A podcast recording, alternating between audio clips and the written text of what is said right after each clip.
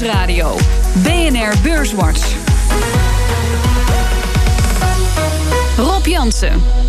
Welkom bij Beurswatch, het enige beleggingsprogramma op de Nederlandse radio. Met Jos Versteeg van Insinger Gillissen en Edin Mujagic van OHV Vermogensbeheer. Welkom. Ehm, de AEX, om kort daar even mee af te trappen, die zit al enkele weken in de lift. In januari dit jaar tikte de index eh, iets boven de 570 punten aan. De vraag is, gaat het jaarrecord er volgende week aan? Wat denk jij, Jos? op weekbasis vind ik heel lastig, lastig te voorspellen, maar we, we zijn nog wel positief over aandelen. Ik denk dat het nog wel verder kan stijgen. Ben ook positief? Over de trend, Edin? Ja, want wij hebben aan de ene kant uh, hoge economische groei. Uh, en het monetaire beleid die op de stand staat alsof er geen groei is. Nou, dat is de ideale omgeving voor aandelenkoers. Het was de week waarin ABN AMRO meldde dat er meer geld opzij gezet wordt voor slechte leningen. En volgens topman Kees van Dijkhuizen gebeurt dat ook de komende kwartalen nog. Ja, dat zou goed kunnen. tweede kwartaal met name is het natuurlijk wat dichterbij. Uh, maar we denken, niet, we, we, denken niet dat dit eerste kwartaal wat je nu ziet... dat je dat gewoon uh, keer vier dit jaar moet doen. Dat is niet wat we denken. Nee. En het was de week waarin NN Group een daling van de netto winst moest melden. Maar Tom Lart Vriezen kijkt liever naar de buffers. Wat we met, ja, met name dit kwartaal gezien hebben... is dat onze kapitaalpositie verder versterkt is... naar 213% solvabiliteitspositie en 1,6 miljard aan de cash in de holdingbuffer. Dat is uh, erg sterk en verder versterkt dit kwartaal. Het was ook de week waarin de financiële markten Italië nauwlettend in de gaten hielden. Philip Guarco van JP Morgan. If you think of rates, I think the big question in Europe right now is how high can Italy sustain rates? And when does that start hurting this economy? Ja, Italië, om daar maar meteen op aan te haken.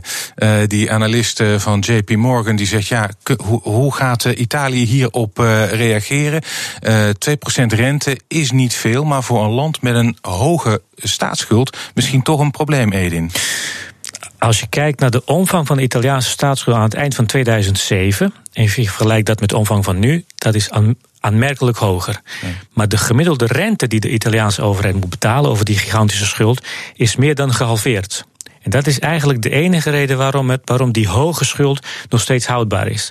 Op het moment dat je dingen gaat doen als een uh, nieuwe Italiaanse overheid, waardoor je uh, de markt de onzekerheid geeft over je plannen voor de toekomst. Um, en daardoor jaag je die rente op. Dan komt dat land heel snel in grote problemen. Zulke problemen waarbij wat wij in de eurozone met Griekenland hebben gezien, eigenlijk niks voorstelt. Wauw. Als het met Italië fout gaat, dan hebben we een groter probleem dan Griekenland, uh, Jos. Absoluut, ja. absoluut. Dat is echt uh, nog groter, denk ik, dan Lehman. Uh, ja. Dat is echt zo een afgrijzelijk drama zijn. Ja. aan de andere kant denk ik wel dat heel veel banken, er zijn heel, heel veel, veel Europese banken hebben in ieder geval minder exposure toe, naar, naar Italië. Mm -hmm. En wat ook wel belangrijk is, denk ik, als je naar het Italiaanse systeem kijkt, dat is toen na de oorlog ontworpen om nooit meer een, iemand als Benedito Mussolini te kunnen krijgen. Mm. Dus het is ook een heel inert systeem. Er ja. kan niks veranderen. Ja. Dus ik, ik, denk ook niet dat ze, ja, ze, ze. De plannen zijn schadelijk, maar ja. echt afgrijzelijke schade. Zoals bijvoorbeeld die 250 miljard schuldaflossing. Of uh, uh, mogelijkheid tot uh, de, uit de euro te stappen. Dat gaat allemaal niet door. Nee. Um, maar ja, jij zei net al, de omvang kan groot zijn van het probleem. zij hebben, um, zag ik even op mijn Reuters terminal, dit jaar iets van 180 miljard moet geherfinancierd worden. Volgend jaar 200 33 miljard. Dat zijn allemaal van die enorme bedragen. Omdat dat gaat elk jaar zo, omdat ongeveer 75% van de Italiaanse staatsschuld heeft een looptijd van minder dan vijf jaar. Ja. Dus dat betekent dat je elk jaar, grofweg, zo tussen 2 en 300 miljard moet herfinancieren. Ja, maar dan kan dus wel die rente, wat je, he, die, die kan dus enorm, de rentelast moet ik zeggen, ja. die kan dus enorm snel stijgen. Nou, we hebben het nu op jaarbasis over ongeveer 40 miljard euro wat de Italiaanse overheid betaalt aan rentelasten over die gigantische schuld. Ja. Als de rente, als de gemiddelde rente alleen zou gaan stijgen naar het niveau van voor 2008, dus eind 2007, dan zouden de rentelasten van Italië oplopen richting 100 miljard. Ja. Waar dat land extra 70 miljard euro elk jaar weer vandaan moet halen, ik zou het echt niet weten. Ja. Dus kortom. Dus een uh, groot probleem in de maak. Als we het niet goed doen en als wij het ook niet goed aanpakken. Ja, nou is, is inderdaad, uh, Jos, dat die, die kwijtschelding die ze wilden van de ECB, dat is uit dat programma verdwenen. Um, er komt ook geen referendum, geloof ik, over de exit nee. van de euro. Nee. Maar er komt wel weer een basisinkomen van 780 euro per maand voor de Italianen. Ja. Gefinancierd door de EU, geloof ik ook nog.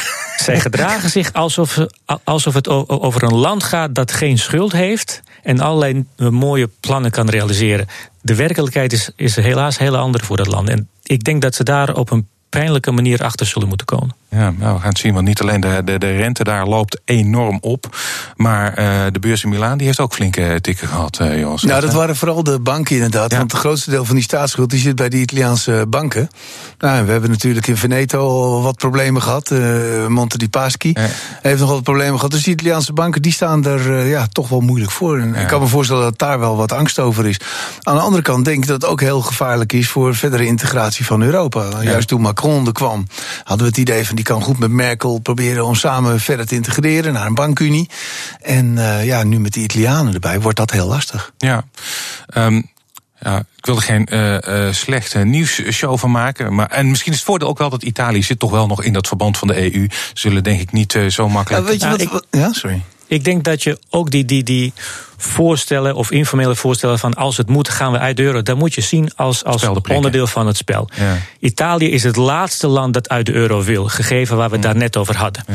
Dus dit wordt ingezet met name richting uh, volgende maand, als de staats- en regeringshoofden van euro laten bij elkaar komen om te praten hoe gaan we nu verder met de muntunie.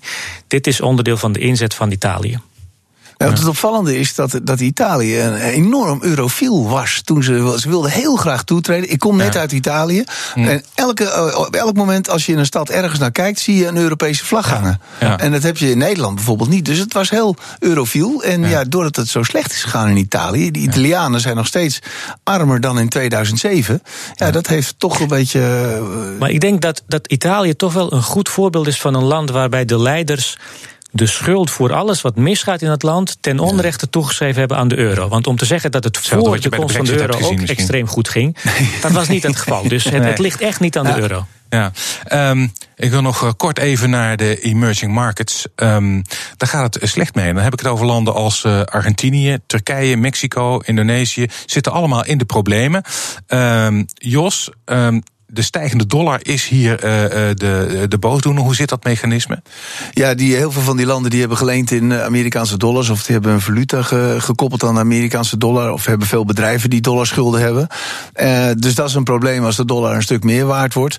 Aan de andere kant, als de dollar meer waard wordt, gaan ook veel beleggers hun bezittingen terugbrengen naar Amerika. Dus dat is een proces wat je vaak ziet. En de landen die een, een groot tekort op de lopende rekening hebben, die krijgen daarvan letterlijk de rekening. En de afgelopen jaren is dat wel voor veel landen verbeterd. In Argentinië is dat eh, minder het geval, in Turkije ook, maar in veel landen is dat minder geworden. En aan de andere kant denken wij zelf dat ja, de dollar voorspellen is echt een probleem. Aan de ene kant zou je zeggen door de, de, de uh, faseverschil, dat het goed groeit Amerika, en het renteverschil zou je zeggen dat de dollar nog wel wat sterker kan worden. Aan de andere kant, als je kijkt naar het begrotingstekort in het twin deficit, ook nog eens een keer een flink tekort op de lopende rekening, ja, kun je ook heel negatief worden over eh, Amerika. Dus die dollar, eh, ik verwacht niet pariteit, maar ik denk dat het een beetje rond die 1,20 zal blijven stuiteren. Ja, heel kort, Edin. Hoe beoordeel jij de problemen voor de emerging markets? Nou, we kunnen het hier wel hebben over hoe, af, uh, hoe uh, verschillend uh, die landen in die groep zijn. Wat we van eind jaren 90 weten, 1997. Als de problemen ontstaan in één opkomend land en de markt denkt ja. dit kan overslaan, dan heeft de markt geen oog voor hoe goed fundamenteel een land ook in elkaar kan steken. Dus ik mag hopen, we hebben nu te maken met het feit dat Argentinië aangeklopt heeft bij het IMF voor hulp. We mogen met z'n allen hopen dat het IMF daar snel ja op zegt en inderdaad dat geld overmaakt aan Argentinië. Al is het maar om te voorkomen dat de paniek zich gaat verspreiden naar alle opkomende uh, markten. Want dan gaan we echt niet kijken hoe staat land A uh, ervoor en land B ervoor. Zometeen praten we verder over de beurs en economie. Onder andere over de cijfers van Air France, KLM en ABN AMRO. BNR Nieuwsradio. BNR Beurswatch. We bespreken de belangrijkste beursontwikkelingen van deze week. Dat doe ik met Josse Steeg van Insinger Gillissen en Edin Mujagic van OHV Vermogensbeheer. Maar eerst maken we even de balans op van de, de afgelopen week. De AEX die sloot op 567 punten. Dat is 0,8% hoger dan vorige week stijgers. De drie grootste stijgers in de AEX van afgelopen week. Altis op weekbasis kreeg er 10,4% bij, is nummer 1. Op 2 Galapagos met een plus van 7,7%. En op 3 Philips met een plus van 4,1%. En het midcap aandeel dat het best presteerde deze week was OCI met een plus van 7%. Dalers. De drie grootste dalers in de AEX deze week. ABN AMRO 9,1% eraf in een week. Op plek 2 KPN met een min van 4,6%. En Signify een min van 3,1%. En Signify, dat is de nieuwe naam van Philips Lighting. En in de midcap was de grootste daler deze week, zoals wel vaker, Air France KLM met een min van 4,6%. En de AX is deze week toch vier van de vijf handelsdagen hoger gesloten. Um, ik wil even aftrappen met eh, ABN AMRO. Uh, een flinke knauw, mag je wel zeggen. 9,1 procent, dat is best wel behoorlijk. Ze moesten wat uh, toevoegen aan de stroppenpot. Um, we hoorden topman uh, Kees van Dijkhuizen het al zeggen. Um, ja, je zou zeggen, het gaat goed met de economie banken zouden toch wat minder uh, moeten hoeven toevoegen aan hun uh, stroppenpot. Jos, wat maak je van die cijfers? Nou, je moet wel bedenken dat die, uh, die stroppenpot, de, de cost of risk, zoals dat dan zo mooi heet, de, de kwartalen daarvoor enorm laag was. Er waren zelfs terugbetalingen uit de stro stroppenpot. Mm. En als je dan kijkt op wat voor, hoe hoog het in, in, in, in basispunten was, dan liggen ze nog echt heel laag. Dus het mm. is nog steeds heel weinig, die 280 miljoen. In 2013, 2014 lag het ruim boven de 200 miljoen. Mm. En ik moet zeggen dat die cijfers ook wel ongeveer waren zoals verwacht. Dus het zal wel een andere opstelling zijn geweest. Maar dat is wat de markt ervan verwacht had. En ik denk dat de, eh, de, de tegenvaller vooral zat in dat er nog steeds heel veel onduidelijkheid is van hoeveel ze nou extra gaan uitkeren. Want daar mm. kijkt de markt steeds naar bij eh, ABN Amro. Mm. En eh, nou, dat was natuurlijk die, die, die core tier 1 ratio, dat is die, een, een getal voor de balans. Die moet tussen de 17,5, een soort buffer, ja, met allemaal extra buffers, allemaal opgebouwd. Tussen de 17,5 en 18,5 liggen. Willen ze extra geld kunnen uitkeren. En als je dan op 17,5 zit, ja, dan gaat de markt toch denken van misschien komt er niet. Uh, dat extra geld waar we, wat, waar we op gerekend hadden. Maar als je kijkt naar het dividendrendement van ABN AMRO... wat was het, uh, tegen de 5% geloof ik... dan is dat al best wel mooi. Mm. Dus ik vind het overdreven. Ja, Edin, vind jij het ook overdreven? Nou, deze winstcijfers zijn natuurlijk per definitie cijfers over het jaar achter ons. Ja, het kwartaal. Uh, kwartaal ja, inderdaad. Het, kwartaal achter ons. Ik maak me wel wat uh, zorgen over als je in deze omgeving wat lagere winst moet gaan melden als bank. Waarbij hmm. je dus aan de ene kant te maken hebt met economische groei die heel sterk lijkt op wat we het voor 2008 hadden. Hmm. Maar aan de andere kant nog steeds die ECB-rente hebt alsof er geen groei is. Hmm. Ja, dat is ook een ideale omgeving voor een bank. Want die financiert zich bij de centrale bank en leent het uit uh, in een economie die groeit. Als je, met, als je die redenering doortrekt naar de rest van dit jaar en met name 2019, de verwachtingen zijn dat het met, met groei allemaal wat minder gaat worden. En tegelijkertijd gaat dat monetaire beleid voor het eerst in jaren andere kant op roeien. Dus je komt van, van, van min of meer ideale omgeving, ga je naar een omgeving die veel minder ideaal is. Hmm. Als belegger in ABN AMRO uh, of in andere financiële waarden... zou ik me toch gaan afvragen hoe goed of gaan ze het beter doen straks uh, in, in de rest van dit jaar en in 2019, mm. gegeven die andere omgeving waar mm. ze ingaan. Mm. Ja, want hij zei ook, eh, Van Dijkhuis, ja, de komende kwartaal, het is nog niet uh, afgelopen met de verhoging van de strop. Nee, komt in het tweede kwartaal wordt het ook weer hoog en pas in de tweede helft van het jaar wordt het minder. En het is ook wel verbazingwekkend dat het voor een deel zat bij ECT, onder andere bij commodities. Uh, dat zijn toch financiering denk van schepen op, op de Noordzee voor die olieindustrie. En als je ziet dat de olieprijs flink gestegen is, dan ja, is het een beetje raar dat ze dan nu met die voorzieningen, extra en, voorzieningen komen. En laten we ook niet vergeten, um, uh, in de herfst van dit jaar komt de ECB weer met de resultaten van de stresstest voor de banken. Ja. In de aanloop daar naartoe ga je ongetwijfeld speculatie krijgen. Hoe gaan we scoren? Hoe gaat ABN AMRO scoren? Hoe gaan andere banken scoren? Ja. Dus dat zal ongetwijfeld ook allemaal mee gaan spelen. Ja. Um, jij zei net, mooi dividendrendement op zich wel eh, voor ABN AMRO. Als je nou zou moeten kiezen ING of ABN AMRO. Ja, absoluut ING. Ja, ja nee, absoluut. De ING is veel verder, vooral met eh, de digitalisering, de digitale bank. Als je kijkt hoe, hoe dat goed werkt. Die hebben die zaak is veel beter onder controle. En eigenlijk het belangrijkste is, ING is gewoon veel groter. Ze kunnen die hmm. kosten gewoon delen over, uh, wat is het, ik denk wel drie, vier keer, als het niet veel meer is, aantal klanten. Ja. En uh, ja, de, die schaalvoordelen, ja, dat is enorm gunstig. Dat ze datzelfde concept in Nederland, België en andere landen, Duitsland, kunnen uitrollen. Dus uh, absoluut ING. Hier zie je ook mooi de spanning tussen micro- en macrowereld. Hoe groter een bank, hoe meer optimisme je kunt hebben, want ze kunnen meer spreiden. Alleen hoe groter een bank, hoe groter het gevaar ook als, als het in problemen komt, dat we in Europa straks weer publiek geld moeten gaan uh, storten. Uh, want de bank is veel te groot voor de omvang van ons financieel stelsel. Dus dat is altijd een spagaat en volgens mij gaat het ook nooit weg. Nee, dat is waar. Maar ik bedoel, als je kijkt naar wat, eh, wat ze aan kosten kwijt zijn voor extra banktax en, en, en uh, we weten voor wat voor voorzieningen er allemaal wel niet zijn, dan zie ik het niet zo snel uh, misgaan met banken dat we. Nee, ik ook niet, maar stel dat. Ja, nou, dat is waar. Wij, alles, wat we afgelopen jaren, ja. alles wat we afgelopen jaren hebben gedaan, was met het doel van zorgen dat die banken niet zo groot worden. Dat, nou. Ja, dat, niet dat is precies uh, spannend. Nog even, blijf nog even bij de financials. NN Group is uh, met cijfers gekomen een lichte winstdaling. Uh... Nou, het opvallende was daar dat eigenlijk die winstdaling uh, veel groter was. Die winstdaling viel eigenlijk mee. En ze hebben dan eh, zijn, ze hebben een deel schade. En dat is natuurlijk enorm last van die stormen. Ja. Maar als je kijkt naar die markt voor verzekeren, ja, kijk, uh, verzekeringsproduct, dat moet heel voorzichtig belegd worden. Dus dan zit je voor een groot gedeelte in staatsobligaties. Nou, wat kun je daar voor rendement van verwachten? 2% of zo? En dan heb je 2% kosten als verzekeraar. Dus die markt is waardeloos. Zij moeten het vooral hebben van kostenbesparingen. Dus ja, door die overname van Deltaloid, dat snap ik dan wel. Ja.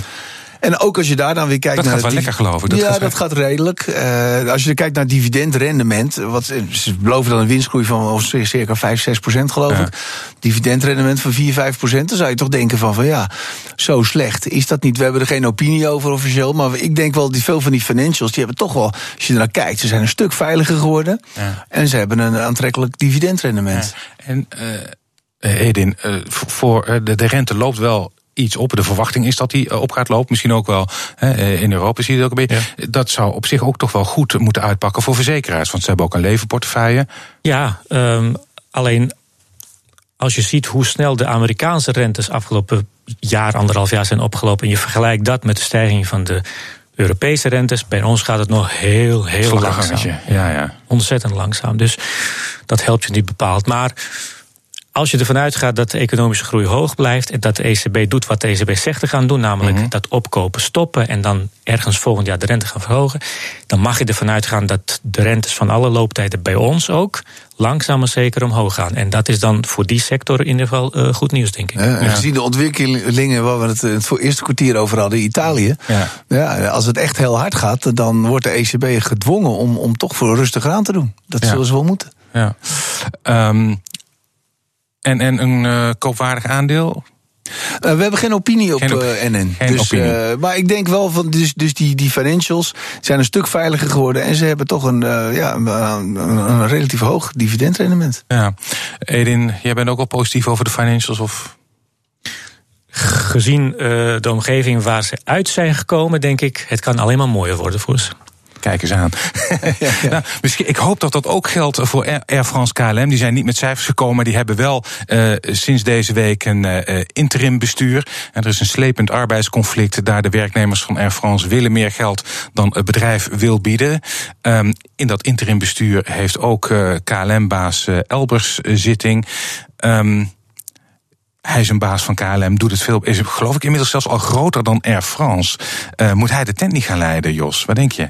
Ja, dat zou misschien goed zijn, maar dat gaat nooit gebeuren. Nee. En nee, nee, nee maar de, het is wel bijzonder dat hij nu in de directie van Air France zit. Hm. Maar ja, wij vergeten wel eens in Nederland dat KLM gewoon overgenomen is door Air France. Dus we hebben niks te vertellen. Er is wel een verschil, want we hebben wel juridisch eigendom is nog wel apart. Dat ligt bij de staat, en dat heeft te maken met het landings, met landingsrechten. Ja. En, uh, maar het economisch eigendom ligt bij Air France. En Air France zou KLM ook nooit willen verkopen. Er zouden wel kopers zijn voor KLM, denk ik. Maar dat is het, uh, het beste jongetje van de klas. Ja. Dus de, die zorgt voor de cash bij het bedrijf. Dus dat, dat willen ze niet kwijt. Ja. Maar zou uh, eh, KLM niet gebaat zijn bij een andere partner? Die meer... Ja, dat was toen de tijd. In 2004 dacht ik uit mijn ja, hoofd dat dat was, uh, was dat veel beter geweest. Maar ik kan me nog vaag herinneren, dat is alweer heel lang geleden. Maar dat ze toen als een van de laatste een partner kozen. Ja, ja en er zijn alle mooie meisjes weg. Um, ja, dus het, ja, het is, ze zijn eigenlijk gevangen in deze constructie. Ja, het is, het is doodzonde. Ze zitten bij een bedrijf wat uh, eigenlijk op, aan het afstormen is naar de afgrond, denk ik. Uh, de, ze gaan richting de kant op van Alitalia. Alitalia heeft, dus, dat is nog wel veel erger hoor. Die hebben geloof ik in 80 jaar één jaar winst gemaakt. maar kijk, het is een bedrijf, wat, een heel cyclisch bedrijf, wat zich niet wil aanpassen aan de, aan de cyclus. Ook KLM niet. Die zeggen we willen nooit gedwongen ontslagen doen. En bij Air France heb je een stelletje piloten die de boel al, altijd dwarsbomen. Dus die, de directie is daar niet de baas, de piloten zijn de baas. Nou, hmm. dat is natuurlijk een verschrikkelijke situatie. Ja, en bijna 50% eraf hè, dit jaar bij Air France KLM. Um, het is een, uh, ik ben heel benieuwd hoe dat gaat aflopen. Um, bedrijf dat ook flinke klappen heeft gehad, maar aan het inlopen is, is Altis. Vandaag de grootste daler in de AX, maar op weekbasis dus de grootste stijger. Deed het afgelopen kwartalen heel slecht. Um, maar vooral op de thuismarkt in Frankrijk. Met schulden overladen. Goed, ze komen met uh, kwartaalcijfers en ineens een, positief uh, herstel. Snap jij dat herstel, Jos? Ja, wat, wat, wat daar vooral goed aan was, was de, de groei van het aantal abonnees, uh, abonnementen. Dat was heel positief, dat was nog nooit zo hard gegroeid. Als je kijkt naar wat het heeft opgebracht, ja, dan is die, die omzet en het resultaat nog niet echt heel erg verbeterd. En ze verwachten dan een kaststroom voor dit jaar uit mijn hoofd iets van 2,5 à 3,5 miljard. Maar als je kijkt naar de totale schuld, van de netto schuld van 32 eh, miljard, is dat nog wel heel erg groot. En het is wel redelijk mooi verdeeld. Ze hebben niet hele grote aflossingen en zo. En dat is allemaal wel redelijk veilig. Maar ja, waar we het net ook weer hadden van, als, als de rente ietsjes harder stijgt, of als er wat meer problemen komen in Frankrijk, en dat is echt een moeilijk land om flink te kunnen herstructureren, ja, dan, uh, dan ben je de pineut. Dus het is een kwestie van, je kan een hoog rendement halen, maar je loopt ontzettend veel risico. En we weer die rente. Kan, dat is het hele punt omdat die rentes zo lang, zo laag hebben gelegen, zijn er allerlei sectoren en bedrijven, de hele economieën, niet tevreden de, de overheden, die als het ware verslaafd zijn geraakt aan die lage rente. En dat gaat allemaal heel, heel goed, zolang die rente laag blijft. Maar straks, als de rente uh, gaat stijgen, is het onvermijdelijk dat er sectoren en bedrijven zijn die erachter komen: we hebben ons niet goed gefinancierd. Um, we zijn alweer bijna aan het einde van deze uitzending. En als laatste is natuurlijk altijd de tip. Jullie mogen een tip geven aan beleggers, mag van alles zijn. Uh, obligaties, vastgoed, aandeel. Jos, wat is jouw tip voor de belegger? Nou, wij zeggen nog steeds, uh, wees overwogen in aandelen. Je moet wel bedenken dat je in het uh, laatste deel van de leg zit, zoals ze dat dan noemen. Dus je moet wel goed bewust zijn dat er een moment komt dat je moet gaan afbouwen. Maar voorlopig lekker blijven zitten en genieten van hogere koersen. Het zou me niet verbazen als uh, straks blijkt dat Italiaanse staatsobligaties een goede investering zijn geweest uh, vandaag de dag. Wij gaan naar een uh, eurotop in juni. Daar gaat gepraat worden over de toekomst van de eurozone. De status wat, wat, wat, we nu hebben is, wat iedereen weet, hm. er, is, er is geen transferunie, er is geen gezamenlijk ministerie van Financiën, geen gezamenlijke staatsobligaties. De inzet van een heleboel andere landen dan Duitsland en Nederland is laten we die dingen gaan, gaan invoeren. Ja. Europa uh, wordt altijd gebouwd op, uh, gebouwd op een compromis. Dus wat er straks uitkomt, zal meer in de lijn liggen van wat Frankrijk en Italië willen. Zou me niet verbazen als, als die uh, rappe stijging van de Italiaanse rente nu een beetje overdreven is geweest. Oké, Italiaanse staatsobligaties en aandelen. Hartelijk dank, Jos Steeg van Insinger Gillissen en Edin Mujagic van OHV Vermogensbeheer. Dit was BNR Beurswatch. Terug te luisteren via de site, de app, iTunes of Spotify. Tot de volgende week.